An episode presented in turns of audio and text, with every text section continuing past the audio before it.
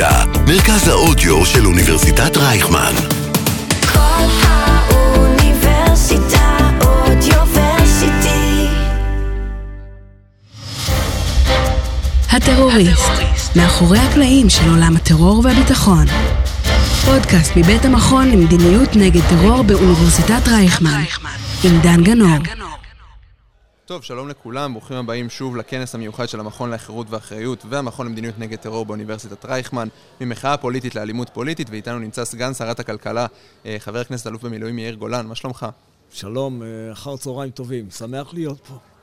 אנחנו גם שמחים מאוד שאתה כאן. אה, אני חושב שהשאלה אולי הכי גדולה כשאנחנו מדברים על, הגבול הזה, הגבול הלא ברור, אם תרצה, בין מחאה לאלימות פוליטית, זה הקו בין חופש הביטוי להסתה לאלימות. אנחנו נמצאים היום אה, ברשתות בהמון המון אה, מקומות, שאנשים רוצים להגיד את מה שהם הם חושבים, והמון פעמים יש איזה גבול אפור לא ברור כל כך בין חופש ביטוי להסתה. איך אתה רואה את זה?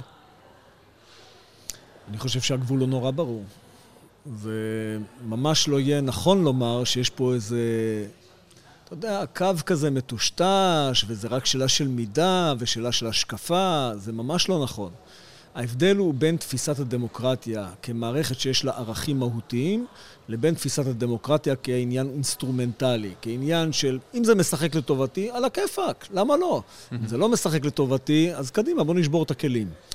ואני חושב שמי שמקבל את הדמוקרטיה כעניין מהותי, שמסדיר את חיינו המשותפים, כזה שמבטיח שנוכל לקבל החלטות בלי אמצעי כפייה קיצוניים אחד על השני, mm-hmm.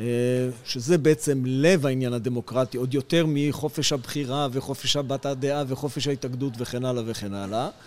אז אם מבינים את הבסיס הזה, אז בעצם ברגע שאתה מקבל את כללי המשחק, לעולם אתה תשים על עצמך גבולות. אבל ברגע שאתה לא מקבל את כללי המשחק, אז אם צריך אה, להיכנס למערת המכפלה ולרסס לכל עבר, או אם צריך לרצוח ראש ממשלה, או אם צריך לזרוק רימון לתוך קהל, זה אפשרי, זה לגמרי אמצעי לגיטימי. זאת אומרת, אתה אומר שכשברגע שאתה מקבל על עצמך את הערכים הליברליים-דמוקרטיים, אין פה באמת שאלה. לגמרי. לגמרי, לגמרי. זאת אומרת, בסופו של דבר, ברגע שאנחנו מסכימים על כללי המשחק, שהם בעיקרם איך מנהלים שלטון, איך מנהלים מדינה, איך מנהלים חברה בלי אמצעי כפייה, mm-hmm. אז ברגע שאתה מקבל את הכללים האלה, הסבירות שתגיע לאלימות פוליטית היא מאוד נמוכה. כן. ולהפך, אם כן. אתה מראש לא מקבל את כללי המשחק, ואתה משתמש בהם רק באופן תועלתני, אם זה נחמד לך, זה טוב לך, זה מקדם את המטרות הפוליטיות שלך, אז זה בסדר, ואם לא, אז אתה שובר את הכלים, אז אין בעיה. אני חושב שהדוגמה הכי מובהקת זה איתמר בן גביר. כן. שכחבר כנסת הוא... מה שנקרא אלוף העולם בלנצל את המערכת המשפט הישראלית לטובתו, כשזה נוח לו, כשהוא טוב מגיש תביעות נגד זה, נגד ההוא, הגיש תביעה גם נגדי, אה, לא הלך לו, אבל אה, אתה מבין, הוא מנצל את הכללים, את מה שהדמוקרטיה נותנת לו, אבל הוא בכלל לא מהסס לאורך קריירה ארוכה של עשרות שנים, הוא לא מהסס לשבור את הכללים כשזה לא נוח לו. אפרופו חבר הכנסת בן גביר, אתה חושב שיש באמת אחריות יתר לחברי כנסת, לנבחרי ציבור, אה, בעצם בהתבטאויות שלהם, כדי לא, כדי לא להביא אולי לאנשים שיכולים לקלוט את מה שהם אומרים ולפרש אותם באופן קיצוני יותר ממה שהתכוונו? ללא ספק, ברגע שאתה נמצא בעמדה של הנהגה, האחריות עליך היא אחריות גדולה יותר.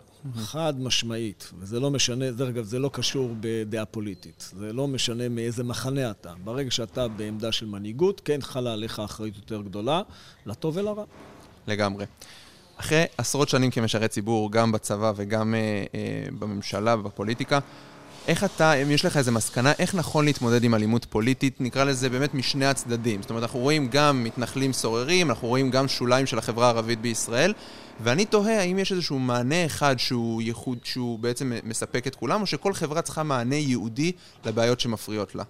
לבעיות שגורמות לה, ברור אה, שלכל חברה, לקיצוניות הזו. ברור שלכל חברה יש את המאפיינים הייחודיים לה, אבל יש מספיק מחקרים שמראים שרב הדומה על השונה. בסופו של דבר, כשעוסקים בקצה הקיצוני של העניין, טרור פוליטי, טרור פוליטי לא בא, הוא לא קיים, הוא לא מתקיים בחלל ריק. יש מאחוריו אה, ארגון של אה, פעילים מיליטנטים, אה, ומאחוריהם פעילים שהם לא מיליטנטים, אבל הם דואגים לכל התשתית החברתית, הרעיונית, וסביבם יש קהל של תומכים. ואם אתה רוצה לטפל באמת טיפול שורש בשורשי הטרור, אתה צריך להגיע לקהל התומכים. ואני חושב שזה מדינת ישראל עשתה באופן אומלל במשך הרבה מאוד שנים.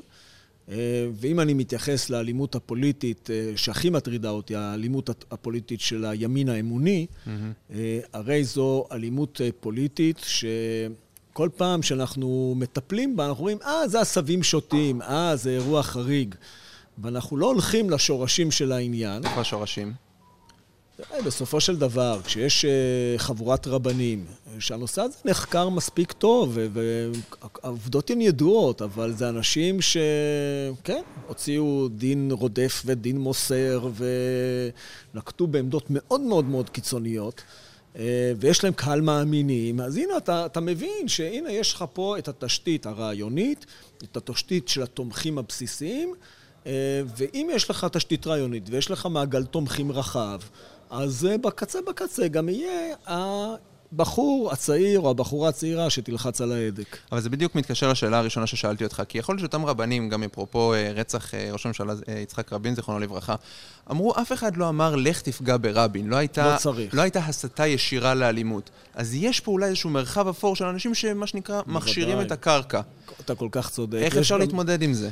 תראה, אה, כתב על זה אה, ספר בעיניי מרתק, לפני הרבה שנים, כבר התפרסם בשנות ה-80, שנקרא ממלאי הפקודות של יגאל אילם. אה, שחקר בדיוק את התופעות האלה של אה, איך אנשים עושים משהו מבלי שניתנה הוראה. לא, אף אחד לא נתמר, לכו תרצחו. נכון. ומסתבר שלא צריך. פשוט לא צריך. אתה יוצר את האקלים הראוי, אתה יוצר את התחושה מה נכון, מה לא נכון, מה זוכה לשבח ומה לא.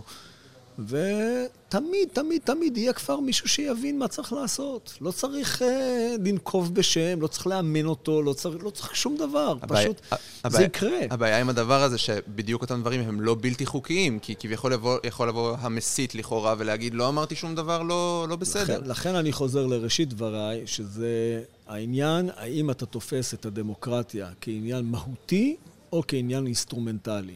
כי, שוב, אני חוזר ואומר, אם אתה תופס את הדמוקרטיה כעניין מהותי, אז יש כנראה גבולות שאתה לא תחצה אותם.